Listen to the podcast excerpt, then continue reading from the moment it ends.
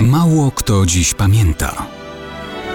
Datownik historyczny prezentuje Maciej Korkuć.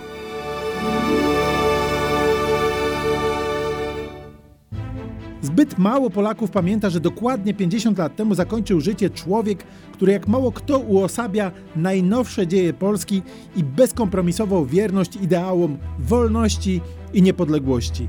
Naczelny wódz generał Kazimierz Sosnkowski. Urodził się pod rosyjskim panowaniem w Warszawie w 1885 roku. Miał 19 lat, kiedy zaangażował się w protesty przeciw wysyłaniu Polaków na wojnę z Japonią. Został bojowcem PPS. Tam silnie los związał go z Piłsudskim. Dowodził warszawską organizacją bojową PPS. Walczył z bronią w ręku. Przenosił się z miejsca na miejsce. Zakładał z Piłsudskim Związek Walki Czynnej i Związek Strzelecki. Walczył w legionach, nierzadko na pierwszej linii. Z Piłsudskim poszedł do niewoli niemieckiej w Magdeburgu.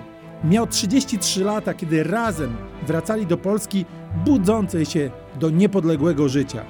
Rozbudowywał Wojsko Polskie jako minister spraw wojskowych. Dowodził na zagrożonych odcinkach frontu wojny polsko-bolszewickiej i w 1920 roku bronił Warszawy. W dniach przewrotu majowego próbował popełnić samobójstwo.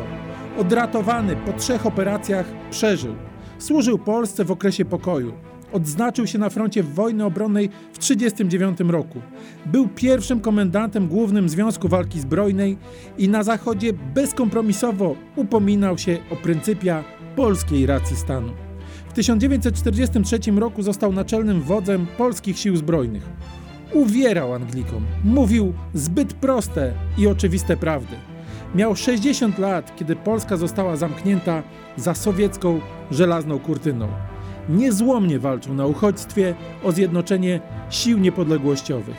Jednak kiedy umierał w 1969 roku, do spełnienia marzeń o niepodległości było jeszcze daleko.